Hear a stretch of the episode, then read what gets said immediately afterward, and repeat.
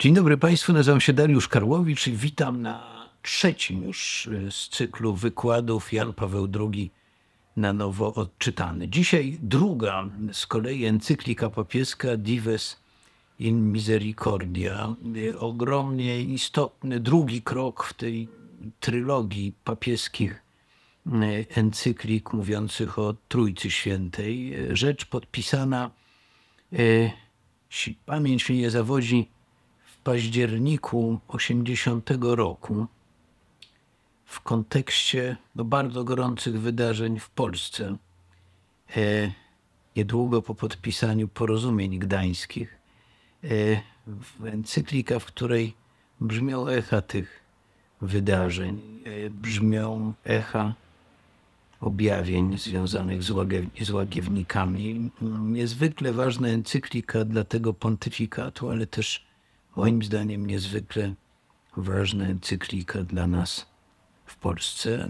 Opowie dziś o niej ksiądz profesor Jarosław Kupczak, znakomity teolog, profesor zwyczajny, wykładający na co dzień w UPJP2 oraz Uniwersytecie Papieskim e, imienia świętego Tomasza z Akwinu, zwanym potocznie Angelikum w Rzymie. Zapraszam Państwa na ten wykład. Czasami zastanawiamy się nad tym, w jakiej mierze Jan Paweł II jest polskim papieżem. To znaczy, w jakiej mierze fakt, że wychował się w Polsce, tutaj uczył się swojej wiary, posługi kapłańskiej i biskupiej, ukształtował jego zrozumienie Kościoła i jego e, kapłaństwo. Dzisiaj mamy mówić o papieskiej encyklice Dives in Misericordia, którą Jan Paweł II opublikował mniej więcej rok po rozpoczęciu swojego pontyfikatu, 30 listopada 1980 roku. Była to jego druga encyklika po pierwszej programowej encyklice Redemptor Hominis. O swojej pierwszej encyklice Jan Paweł II powiedział, że od strony idei merytorycznie przywiózł ją z Krakowa, spisał tę ideę w Rzymie. Podobnie możemy chyba powiedzieć o encyklice Dives in Misericordia. W jednym z wywiadów Jan Paweł II powiedział, że pisząc tę encyklikę myślał o siostrze Faustynie, był jej duchowo bardzo bliski. Encyklika ta więc jest świadectwem głębokiego przemyślenia przez papieża przesłania siostry Faustyny i zobaczenia jego aktualności dla współczesnego świata. W tym kontekście wydaje się ważne spostrzeżenie jednego z autorów, że Jan Paweł II wyszedł z krakowskiej, polskiej szkoły miłosierdzia, gdzie głównymi wykładowcami byli święty brat Albert Chmielowski i siostra Faustyna Kowalska. Dwie postaci, które polski papież wyniósł na ołtarze. Dzięki encyklice Dives in Misericordia to polskie, krakowskie doświadczenie Bożego Miłosierdzia stało się wezwaniem i darem dla całego Kościoła, całej ludzkości. Możemy być z tego powodu dumni i wdzięczni Bogu. To, co chciałbym dzisiaj powiedzieć o encyklice Dives in Misericordia, podzielę na trzy części. Pierwszej przyjrzymy się korzeniom, źródłom papieskiej teologii miłosierdzia, widzianym właśnie przez pryzmat dwóch wspomnianych właśnie świętych. Oczywiście moglibyśmy tę listę polskich inspiracji Jana Pawła II znacznie rozszerzyć. Tutaj w Krakowie, gdzie nagrywamy ten film, pamiętamy także o innych świętych, których życie objawiało Boże miłosierdzie. Królowa Jadwiga, tak ważna dla Jana Pawła II, święty Jacek Odrowąż, pierwszy polski dominikanin, którego e, grób znajduje się tutaj właśnie w klasztorze ojców dominikanów, Alojzy Kosiba, Aniela Salawa, umieszczona przez papieża wśród wielkich polskich królów duchów i wielu innych. Moglibyśmy tę listę oczywiście znacznie rozszerzyć poza Kraków, na inne polskie miasta, ale skupimy się na dwóch wspomnianych świętych ze względu na nasze ograniczenia czasowe. To będzie pierwsza część prezentacji. W drugiej części przedstawię treść encykliki. W trzeciej zaś spróbuję zaproponować bardziej praktyczne wnioski wynikające z myśli papieża i wzywające nas, używając jego słów, do wyobraźni miłosierdzia i do praktyki miłosierdzia. Zacznijmy więc. Część pierwsza, źródła, polskie, krakowskie źródła encykliki Dives in Misericordia. Faustyna Kowalska. Losy Karola Wojtyły i Faustyny Kowalskiej zostały w planach Bożej Opatrzności przedziwnie ze sobą związane. Kiedy w Wadowicach urodził się Karol Wojtyła, 18 maja 1920 roku, Faustyna ma wówczas 15 lat, jest uczennicą szkoły podstawowej w Świnicy koło Łodzi, ma już za sobą pierwsze doświadczenia mistyczne. Kiedy sześcioletni Karol rozpoczął naukę w szkole podstawowej w Wadowicach, Faustyna przebywała już ponad roku w warszawskim klasztorze sióstr Zgromadzenia Matki Bożej Miłosierdzia. Siostra Faustyna i Karol Wojtyła znajdowali się najbliżej siebie podczas ostatnich miesięcy życia mistyczki.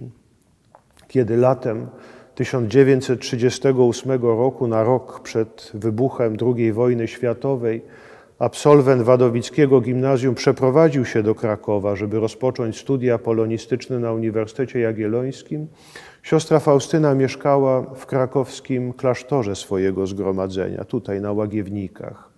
Była już wtedy śmiertelnie chora. Większość czasu spędzała w szpitalu na Prądniku Czerwonym, który dzisiaj nosi nazwę Szpitala Jana Pawła II.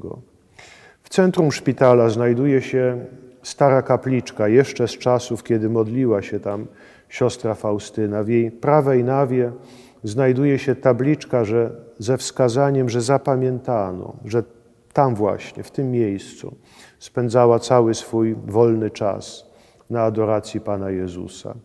Pacjenci i osoby odwiedzające szpital, wszyscy cierpiący, mogą także dziś modlić się tam razem z nią, doświadczać Bożego miłosierdzia. Faustyna umarła, kiedy Wojtyła rozpoczął pierwszy semestr studiów polonistycznych 5 października 1938 roku. Dwaj wielcy świadkowie Bożego miłosierdzia, mieszkając w jednym mie mie mieście, nigdy się nie spotkali.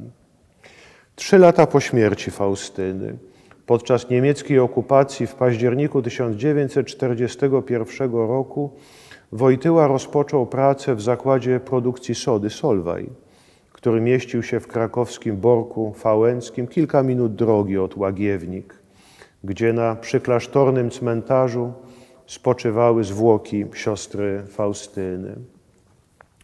Podczas swojej ostatniej pielgrzymki do Polski Jan Paweł II wspominał ówczesne odwiedziny grobu siostry Faustyny. Mówił tak: Przychodziłem tutaj zwłaszcza w czasie okupacji, gdy pracowałem w pobliskim Solweju. Do dzisiaj pamiętam tę drogę, która prowadziła z Borku Fałęckiego na Dębniki, którą odbywałem codziennie, przychodząc na różne zmiany w pracy, przychodząc w drewnianych butach. Takie się wtedy nosiło. Jak można było sobie wyobrazić, że ten człowiek w drewniakach kiedyś będzie konsekrował Bazylikę Miłosierdzia Bożego w krakowskich Łagiewnikach. W czasie trwania ostatniej sesji Soboru Watykańskiego w październiku 1965 roku, 27 lat po śmierci siostry Faustyny, arcybiskup Wojtyła podjął decyzję o rozpoczęciu diecezjalnego procesu informacyjnego odnośnie jej życia i cnót. To był początek długiej, wyboistej drogi do beatyfikacji. Wkrótce pojawiły się problemy zgłaszane przez teologów, związane zarówno z nowatorskim charakterem tych objawień, jak i różnymi brakami w rękopisach dzienniczka siostry Faustyny.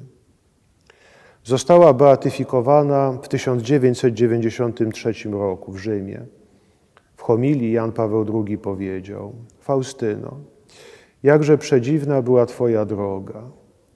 Czyż nie można pomyśleć, że to właśnie Ciebie, ubogą i prostą córkę mazowieckiego polskiego ludu, wybrał Chrystus, aby przypomnieć ludziom wielką tajemnicę Bożego miłosierdzia. Tę tajemnicę zabrałaś ze sobą, odchodząc z tego świata po krótkim i pełnym cierpień życiu. Równocześnie tajemnica ta stała się proroczym wołaniem do świata, do Europy. Przecież Twoje, miło, Twoje orędzie Bożego miłosierdzia zrodziło się jakby w przeddzień straszliwego kataklizmu II wojny światowej.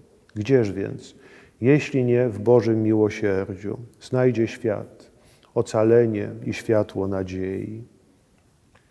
Wielokrotnie Jan Paweł II powtarzał, że kult Bożego miłosierdzia został dany ludzkości właśnie w XX wieku, tym najkrwawszym wieku w historii ludzkości, kiedy dziesiątki milionów ludzi straciło życie w imię sprawiedliwości, absolutnej sprawiedliwości, domagania się własnych praw, naprawienia dziejowych krzywd.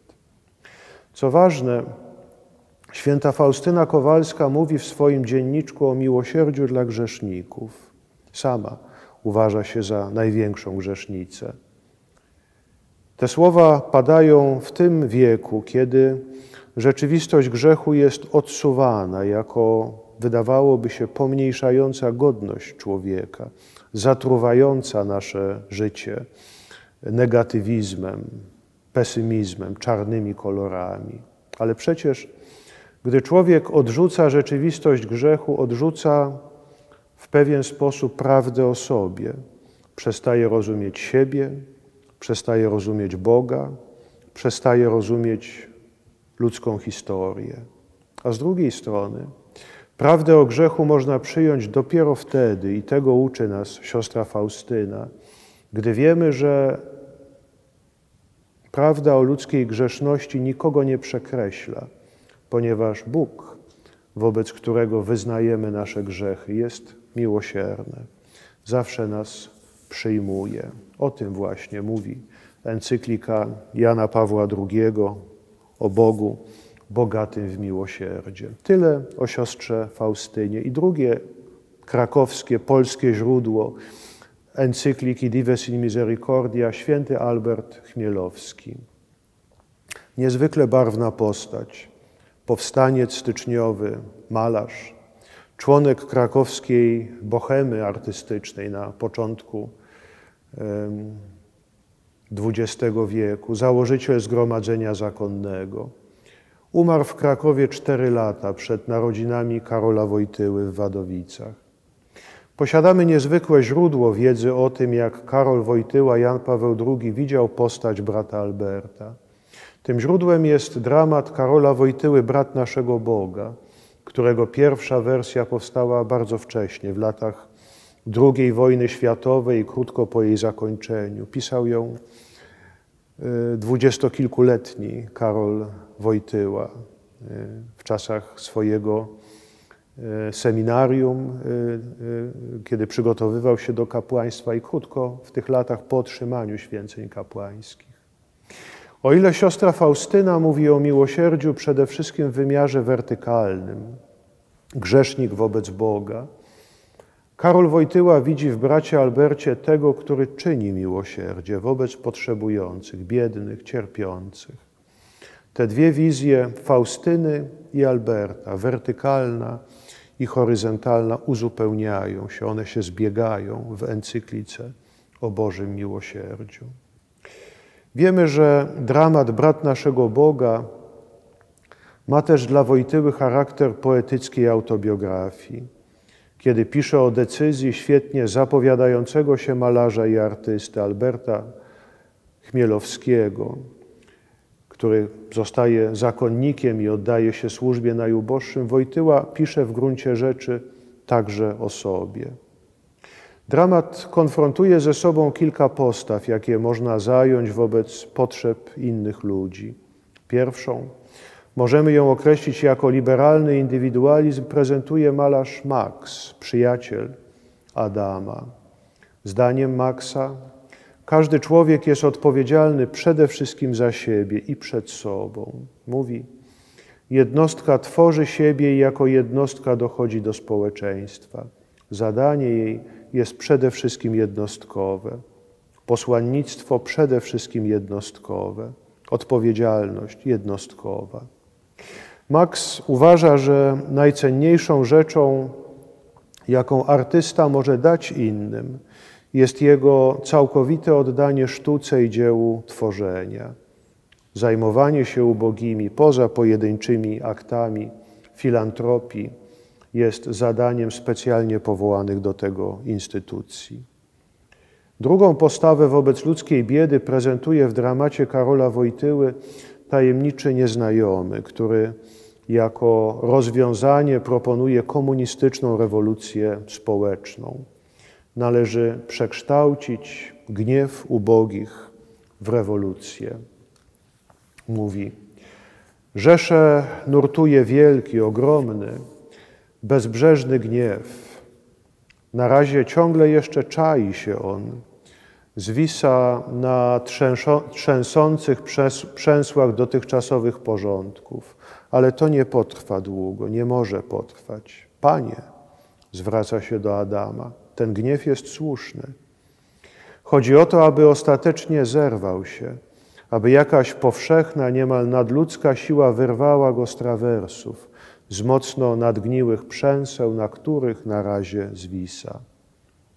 Adam odrzuca zarówno indywidualistyczną, piękno-duchowską postawę swoich przyjaciół malarzy, jak i marksistowską agitację nieznajomego.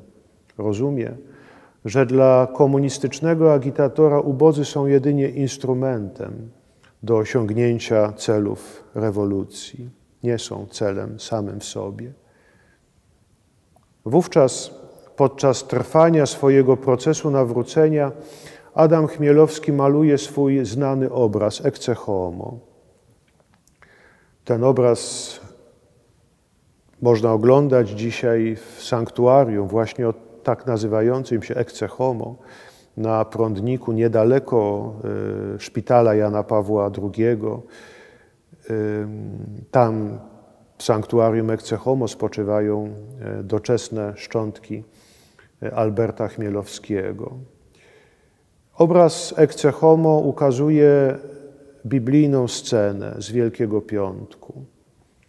To malowanie postaci skatowanego, zakrwawionego Chrystusa dla Adama Chmielowskiego oznacza próbę dostrzeżenia w tych, których zniekształciła bieda, grzech, deprawacja fizyczna i duchowa obrazu i podobieństwa Bożego, godności dzieci Bożych. Poprzez miłosierdzie wobec ubogich Adam Chmielowski odnajduje także siebie. Jak pisze Wojtyła w swoim dramacie, przestaje należeć do siebie, odsłania w sobie tę miłość, która przez niego pracuje. W znanej scenie dramatu Adam, wracając z jakiegoś nocnego rautu z przyjaciółmi malarzami, decyduje się pomóc spotkanemu przypadkowo na ulicy nędzarzowi. Podnosi go z bruku. Ten akt miłosierdzia odkrywa przed Adamem nowe obszary jego wnętrza, do których nie dociera, jak mówi racjonalny dyskurs. dyskurs. Ten uczynek, akt miłosierdzia, uwalnia go od tyranii inteligencji. Na przełomowe znaczenie tego uczynku miłosierdzia wskazują słowa, które Adam kieruje do ubogiego: Uratowałeś mnie. Miłosierdzie ratuje człowieka. Nie tylko tego, ku któremu się zwraca, ale także, ale także tego, który je czyni. Miłosierdzie czyni nas ludźmi i tworzy prawdziwie ludzkie relacje, tworzy naprawdę ludzkie społeczeństwo. Te dwa źródła teologii miłosierdzia, o których dotąd mówiliśmy, ten porządek wertykalny, siostra Faustyna i horyzontalny, brat Albert, zbiegają się w encyklice Jana Pawła II o Bogu bogatym w miłosierdzie. Łacińskie słowo na określenie miłosierdzia, misericordia, wskazuje o co chodzi. Misericordia bowiem to miseris cor dare, dać potrzebującym, cierpiącym swoje serce, odrobinę swego serca. Nie wystarczy filantropia, nie wystarczy zewnętrzna pomoc finansowa, jakakolwiek. Trzeba coś więcej, trzeba być człowiekiem dla ludzi. I tak właśnie Jan Paweł II pisze w encyklice: Miłosierdzie to miłość, która w sposób szczególny daje o sobie znać w zetknięciu z cierpieniem, krzywdą, ubóstwem, w zetknięciu z całą ludzką kondycją, która na różny sposób ujawnia ograniczoność i słabość człowieka, fizyczną i moralną.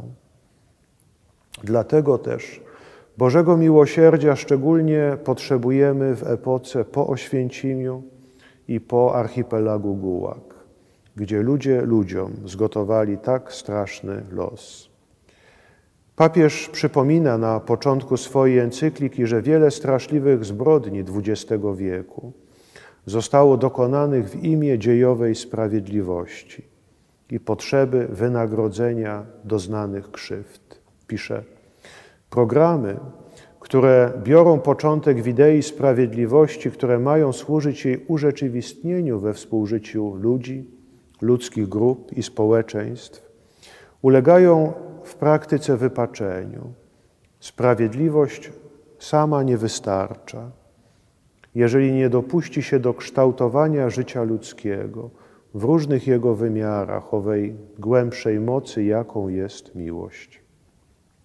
Jakbyśmy słyszeli tutaj dalszy ciąg polemiki Karola Wojtyły z marksistowskim agitatorem, nieznajomym z jego dramatu Brat naszego Boga. Sprawiedliwość nie wystarcza. A z drugiej strony nie ma miłosierdzia bez sprawiedliwości. Tak jak nie ma potrzeby Bożego miłosierdzia bez świadomości własnego grzechu.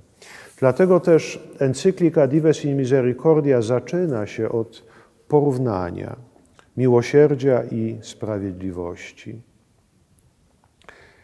Jan Paweł II zaczyna od Starego Testamentu. Izrael odwoływał się do Bożego miłosierdzia zawsze, kiedy rodziła się w nim świadomość przekroczenia zasad sprawiedliwości, zawartych w Bożym prawie, w Torze. Wówczas Izrael, który miał świadomość własnej niesprawiedliwości, nieprawości, wołał o Boże miłosierdzie. To Boże miłosierdzie w Starym Testamencie wyrażone jest przez dwa słowa hebrajskie hesed i rachamim. O ile to pierwsze określenie wskazuje na pewną wierność samemu sobie i podjętym zobowiązaniom, to drugie słowo wskazuje na miłość, jaka łączy matkę z jej własnym dzieckiem. Jądrem słowa rachamim jest rechem, łono matczyne. Z całą pewnością tutaj w Starym Testamencie w języku hebrajskim mamy biblijne źródło słynnego obrazu Rembrandta Powrót syna marnotrawnego, gdzie miłosierny ojciec ma dwie ręce, jedną męską, drugą właśnie kobiecą, matczyną. Najpełniejszą odpowiedzią Bożego miłosierdzia na zło i grzech człowieka jest krzyż i zmartwychwstanie Jezusa Chrystusa. Misterium paschalne Chrystusa jest najpełniejszym objawieniem Bożego miłosierdzia, również w kontekście Jego stosunku do sprawiedliwości. Czytamy w encyklice. W męce i śmierci Chrystusa znajduje swój wyraz absolutna sprawiedliwość, gdyż męki i krzyż krzyża dostaje, doznaje Chrystus ze względu na grzechy ludzkie. A więc krzyż był potrzebny, ponieważ naruszony został porządek sprawiedliwości. I krzyż przywraca ten porządek sprawiedliwości, ale przecież rodzi się z Bożego miłosierdzia. Ta sprawiedliwość przywracana na krzyżu, ugruntowana jest w miłości, wyrasta z niej i ku niej zmierza. Jedynie miłosierdzie, jak pokazuje Jan Paweł II, zdolne jest przywrócić człowieka człowiekowi, przywrócić tę twórczą moc w człowieku, który jest złamany przez swój grzech, bądź też przez nędzę, nędzę fizyczną i nędzę duchową. Najpełniej, zdaniem Jana Pawła II, ta prawda objawia się w znanej nam wszystkim przypowieści o miłosiernym Ojcu i marnotrawnym Synu, którą znajdujemy w Ewangelii Świętego Łukasza. Ewangelia Świętego Łukasza ze względu na swoje, e, na miejsce miłosierdzia, w niej nazywana jest często Ewangelią miłosierdzia. Ta różnica pomiędzy sprawiedliwością i miłosierdziem może być opisana przez, zdaniem Jana Pawła II, przez porównanie przedmiot i podmiot, przedmiot i osoba. Sprawiedliwość dotyczy dóbr przedmiotowych, miłosierdzie dotyczy osoby. Jak czytamy w encyklice, jeżeli sprawiedliwość sama z siebie zdolna jest tylko rozsądzać między ludźmi, rozdzielać między nich przedmiotowe dobra słuszną miarą, to miłość i tylko miłość, także ta łaskawa miłość, którą nazywamy miłosierdziem, zdolna jest przywracać człowieka samemu człowiekowi przywrócić człowieka samemu człowiekowi. To jest ta fundamentalna prawda i to zadanie, z którym myślę pod wpływem siostry Faustyny i Alberta Chmielowskiego nieustannie zmagał się e, Karol Wojtyła, Jan Paweł II. Świat zdolny jest tylko osądzić człowieka, bądź go uniewinnić, bądź zostawić go z jego wewnętrznym dylematem, z jego nędzą, fizyczną bądź duchową. Ale jak przywrócić człowieka samemu człowiekowi? Jak sprawić, żeby ze swojej sytuacji nędzy, cierpienia, opuszczenia stanął na nogach? Kto to może zrobić i w jaki sposób? O to właśnie chodzi w biblijnej przypowieści o miłosiernym Ojcu. Powracający do rodzinnego domu marnotrawny syn jest przegrany. Jest przekonany, że jego grzeszne postępowanie pozbawiło go synowskiej godności i że odtąd w domu swego ojca będzie musiał zajmować znacznie niższą niż dawniej pozycję. Stąd jego szczere i uczciwe wyznanie: Ojcze, zgrzeszyłem przeciw Bogu i względem Ciebie. Już nie jestem godzien nazywać się Twoim synem. Uczyń mnie choćby jednym z najemników. Ewangelia świętego Łukasza, 15 rozdział.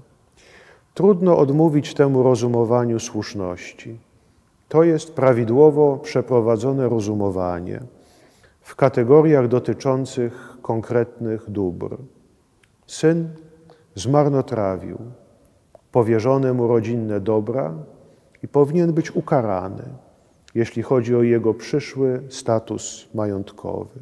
To jest właściwe rozumowanie w kategoriach sprawiedliwości. Ale ojciec nie myśli o swoim synu w tak wąsko zakreślonej perspektywie sprawiedliwości.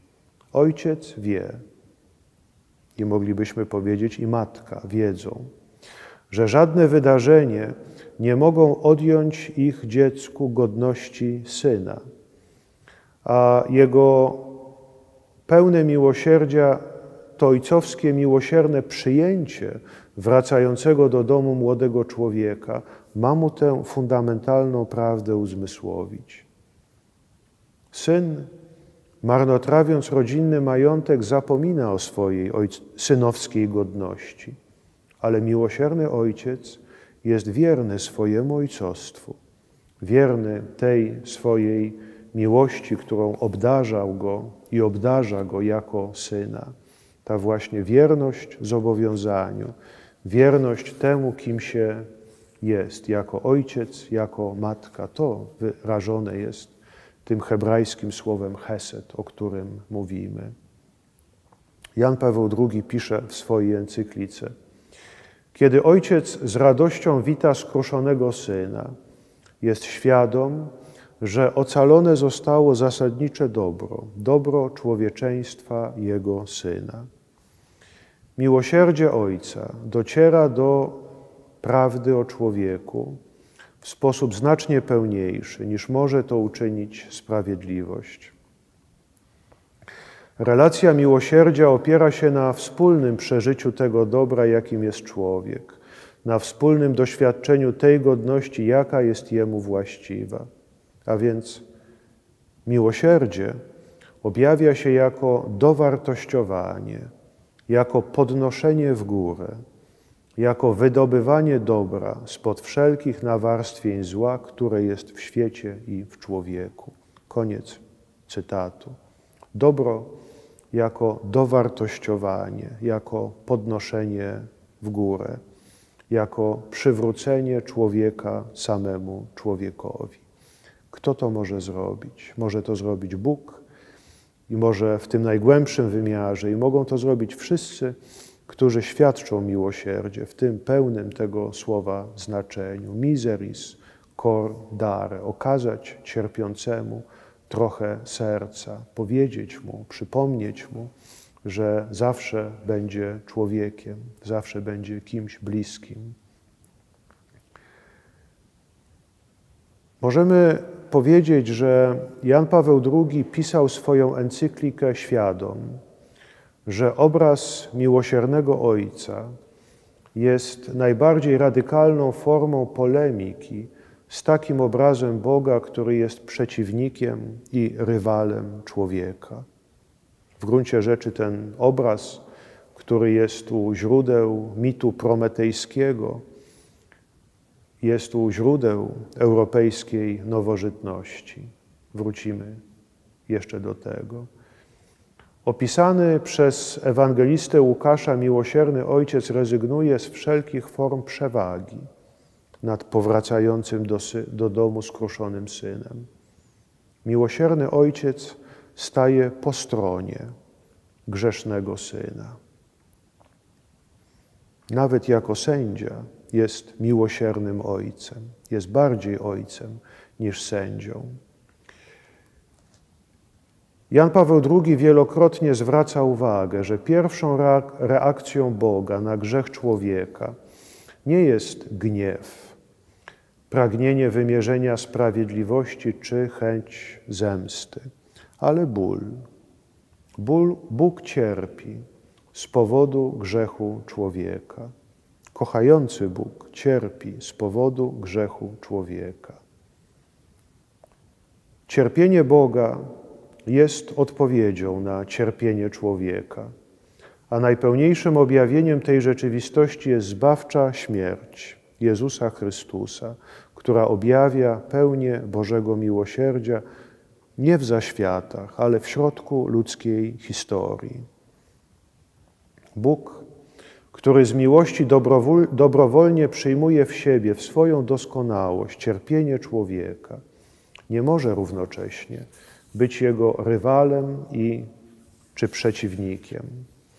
Boże miłosierdzie przekreśla w ten sposób mit, mit prometejski, czyli możliwość przedstawienia Boga jako zazdrosnego o ludzkie szczęście, nieprzyjaciela człowieka. Jeden z najlepszych opisów nowożytnego prometeizmu, zarówno w jego wymiarze metafizycznym, jak historycznym, możemy odnaleźć w książce Alberta Camus Człowiek zbuntowany. Analizy Camus są bardzo podobne do myślenia Jana Pawła II o miłosiernym Bogu. Camus zwraca uwagę, że jedną z motywacji buntu przeciw Bogu jest pragnienie, aby Bóg cierpiał. Skoro w stworzonym przez Niego niesprawiedliwym świecie człowiek cierpi. Zbuntowany człowiek, jak pisze Kami, wciąga więc wyższą istotę w upokorzenie, którego sam doświadcza. Skoro Daremna władza Boga tyle samo jest warta, co nasz daremny los. Podporządkowuje ją sile naszej odmowy. Każdej, każe jej z kolei ugiąć się przed tym, co w człowieku nieugięte. Włącza siłą do naszej abs absurdalnej egzystencji. Wydziera ją wreszcie z wieczności, aby wprowadzić do historii, z dala od owej stałości niewzruszonej, którą mogłaby znaleźć tylko w jednomyślnej zgodzie ludzi. A więc bunt przeciwko Bogu jest wymagany przez cierpienie człowieka. Kami, jako osoba niewierząca, wie, że chrześcijańską odpowiedzią na bunt człowieka jest cierpienie Boga. Jak pisze, Chrystus przyszedł, aby rozwiązać dwa zasadnicze problemy, które są właśnie problemami zbuntowanych zła i śmierci.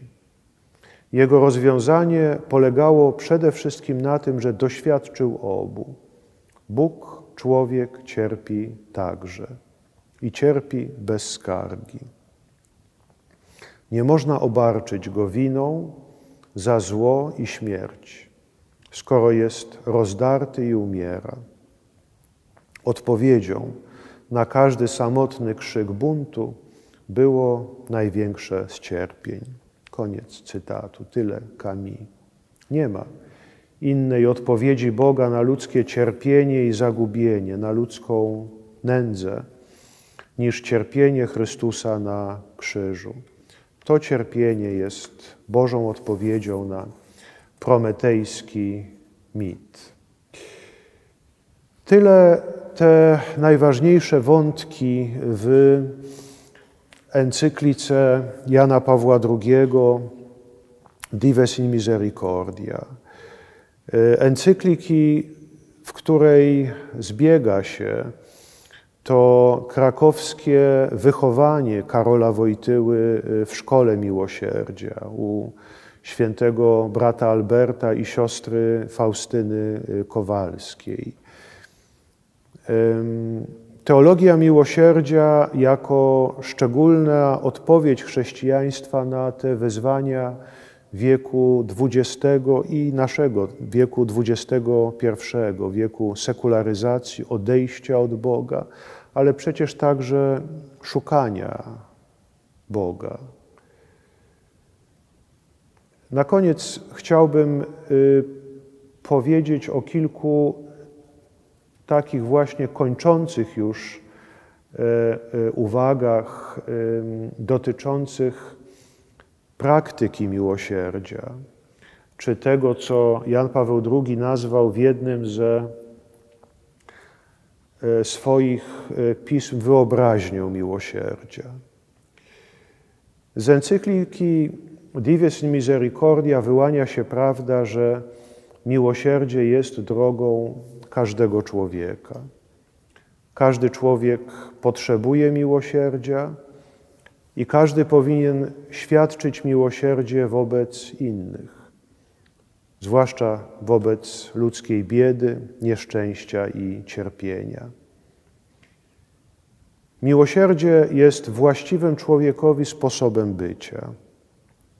O tym i teraz chciałbym zwrócić na to uwagę, mówi tradycyjne wyliczenie siedmiu uczynków miłosierdzia wobec ciała i siedmiu uczynków miłosierdzia wobec duszy, które jest przecież rozwinięciem Chrystusowej przypowieści o sądzie ostatecznym. Przypomnijmy tę tradycyjną, katechizmową naukę, która y, jest uzupełnieniem tej, moglibyśmy powiedzieć, antropologii miłosierdzia, którą przedstawia Jan Paweł II w encyklice o Bożym Miłosierdziu. Miłosierdzie jako objawienie prawdy o tym, kim jest Bóg, ale także kim jest człowiek.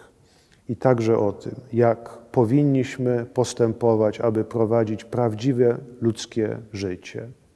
A więc y, siedem uczynków miłosierdzia wobec ciała głodnych nakarmić, spragnionych napoić, nagich przyodziać, podróżnych przyjąć w dom, więźniów pocieszać, chorych nawiedzać, umarłych pogrzebać.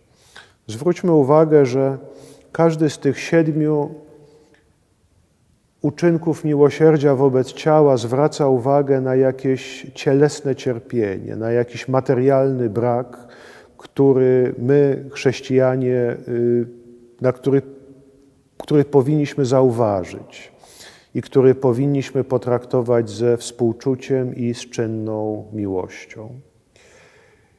Ale w drugiej y, części tych y, siedmiu uczynków jest mowa o siedmiu uczynkach wobec duszy. I wydaje się, że dzisiaj często pamiętamy o, tych, o tej antropologii zawartej w, te, w tych uczynkach miłosierdzia wobec ciała, ale zapominamy o antropologii, która kryje się w tych siedmiu uczynkach miłosierdzia wobec duszy. Przypomnijmy je grzeszących upominać, nieumiejących pouczać, wątpiącym dobrze radzić, strapionych pocieszać, krzywdy cierpliwie znosić, urazy chętnie darować, modlić się za żywych i umarłych.